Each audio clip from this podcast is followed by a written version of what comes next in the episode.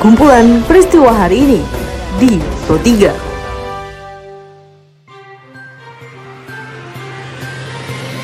Halo pendengar, saat ini Anda sedang mendengarkan kumpulan peristiwa Pro 3. Pada podcast kali ini saya akan mengulas terkait isu-isu aktual yang saat ini masih hangat atau ramai diperbincangkan di sekitar kita. Tentu saja nanti akan saya hadirkan cuplikan informasi dari reporter kami. Bersama saya Karisma Rizky, saya hadirkan kumpulan peristiwa Pro 3 di ruang dengar podcast Anda. Pendengar, sebelum saya masuk ke dalam beberapa isu aktual yang akan saya hadirkan sesaat lagi, saya mengundang Anda untuk mampir ke laman berita kami di rri.co.id. Juga Anda bisa follow Instagram, Twitter, serta Facebook kami di @rri_programa3. Baiklah pendengar, inilah kumpulan peristiwa Pro 3. Ketua Komisi Nasional HAM, Ahmad Taufan Damanik, meminta Presiden dan jajarannya termasuk pemerintah daerah segera melakukan beberapa langkah nyata dalam melaksanakan UU Kekarantinaan Kesehatan. Karantina wilayah menurutnya juga tidak melanggar hak asasi manusia. Yang paling pokok itu adalah satu ketegasan, ketaatan pada implementasi. Jadi tidak cukup bagi kami sejak awal kami katakan tidak cukup dengan himbauan-himbauan doa-doa. Itu dibenarkan dalam standar hak asasi manusia. Ada pasal 12 yang mengatur mengenai kemerdekaan individu yang kategorinya termasuk derogative rights. Jadi hak yang dia bisa dibatasi, dikurangi atau ditunda. Sebelumnya, Menteri Koordinator Bidang Politik, Hukum, dan Keamanan Mahfud MD mengungkapkan bahwa pemerintah akan memutuskan rancangan peraturan pemerintah mengenai karantina wilayah. PP karantina wilayah tersebut nantinya akan mengatur keluar masuknya kendaraan hingga larangan mudik pada Mei 2020. Untuk karantina kewilayahan itu harus ada PP menurut pasal 10 Undang-Undang nomor 6 tahun 2018. Oleh sebab itu kita akan mengaturnya dengan PP. Tentu akan secepatnya lah. Kita ini kan dalam situasi yang darurat. Dalam waktu tidak lama akan segera dikeluarkan. Sebagaimana yang dilaporkan reporter Rini Hairani, karantina wilayah sendiri berarti pembatasan penduduk yang dilakukan guna mencegah kemungkinan penyebaran penyakit atau kontaminasi. Apabila suatu wilayah menerapkan aturan lockdown, maka pintu perbatasan akan dijaga ketat oleh anggota kepolisian untuk memastikan tak ada yang masuk ataupun keluar. Beralih ke informasi lainnya pendengar, setelah meletus dua kali dalam waktu 24 jam, yakni pada hari Jumat dan Sabtu pagi, kembali Gunung Merapi yang terletak di perbatasan Yogyakarta dan Jawa Tengah meletus kembali pada Sabtu 28 Maret 2020 pukul 19.25 menit. Sebagaimana reporter Adam Sutanto melaporkan, Balai Penyelidikan dan Pengembangan Teknologi Kebencanaan Geologi BPTKG Yogyakarta mencatat erupsi terjadi dengan 243 detik.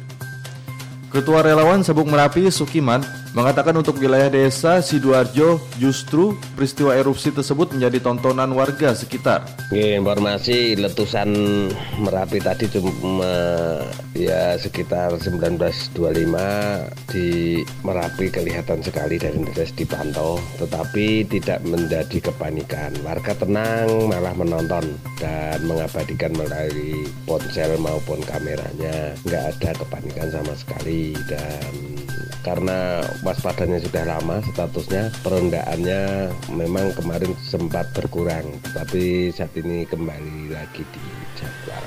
Kementerian Pariwisata dan Ekonomi Kreatif Republik Indonesia menyiapkan kamar hotel untuk ribuan tenaga medis dari empat rumah sakit di Jakarta yang menangani pasien terkait corona. Berdasarkan dari reporter Niar Abdul yang melaporkan, bahwa Menteri Pariwisata dan Ekonomi Kreatif Wisnu Utama Pusbandio mengatakan ada beberapa persyaratan yang harus dipenuhi bagi hotel penyedia kamar. Dalam kerjasama ini, hotel yang dipilih harus dapat mengikuti standar operational prosedur atau SOP yang berkaitan dengan pelayanan tamu, sebagaimana yang ditetapkan oleh Kementerian Kesehatan dalam rangka penanganan COVID-19. Di antaranya penyemprotan disinfektan secara rutin, terutama di pintu masuk hotel, kegiatan sanitasi, pengaturan physical distancing di seluruh area hotel, termasuk penggunaan lift, pembelian makanan, housekeeping, uh, laundry, dan lain sebagainya. Tentunya kerjasama ini juga terbuka bagi hotel lain atau uh, jaringan hotel lain, tentunya yang dapat memenuhi prosedur dan persyaratan yang harus dipenuhi. Di antara hotel berada di sekitar rumah sakit rujukan serta pihak hotel tidak melakukan pemutusan hubungan kerja terhadap karyawan terkait situasi pandemi COVID-19 masih berlangsung. Informasi selanjutnya pendengar.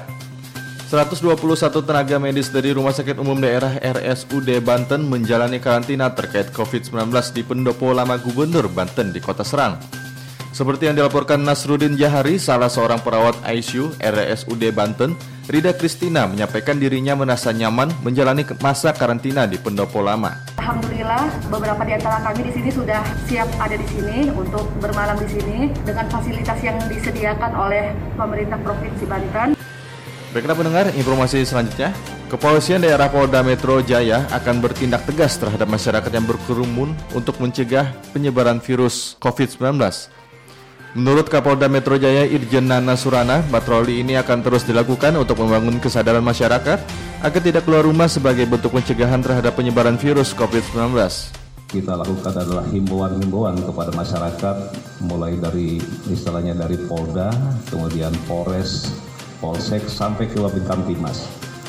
Dalam hal ini di tingkat desa pun Babinkan Timas, Babinsa, kemudian Lurah, secara masif ya di Polda Metro ini di wilayah hukum Polda Metro ini terus uh, aktif menyampaikan himbauan-himbauan baik siang maupun malam ini terus saya kami keluarkan supaya masyarakat betul-betul sadar akan bahayanya daripada Corona 19.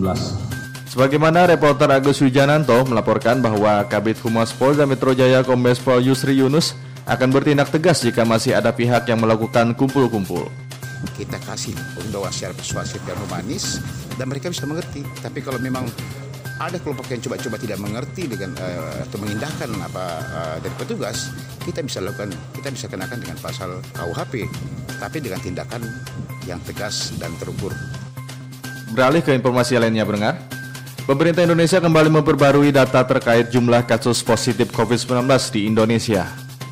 Seperti yang dilaporkan reporter Safir Amalia, Juru bicara penanganan pemerintah untuk penanganan COVID-19 Ahmad Yuryanto mengatakan, terdapat penambahan kasus positif COVID-19 Indonesia sebanyak 130 kasus.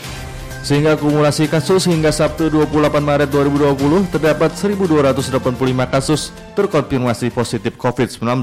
Kita sudah melaksanakan pemeriksaan lebih dari 6.500 spesimen, 6.500 orang maksud saya di dalam kaitan dengan pemeriksaan ini di mana sekarang kita pahami bahwa ada penambahan kasus baru positif sebanyak 130 sehingga jumlah sekarang menjadi 1.285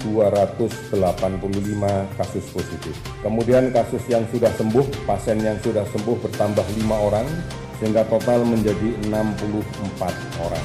Kemudian pasien meninggal bertambah 12 menjadi 114 orang. Baiklah pendengar, informasi tadi sekaligus mengakhiri perjumpaan kita pada podcast edisi hari ini. Anda masih bisa mendengarkan podcast edisi hari ini dan hari lainnya di Spotify dengan hanya mengetik RRI Pro 3 di kolom pencarian. Saya Karisma Rizky undur diri, sampai jumpa. Kumpulan peristiwa hari ini di Pro 3.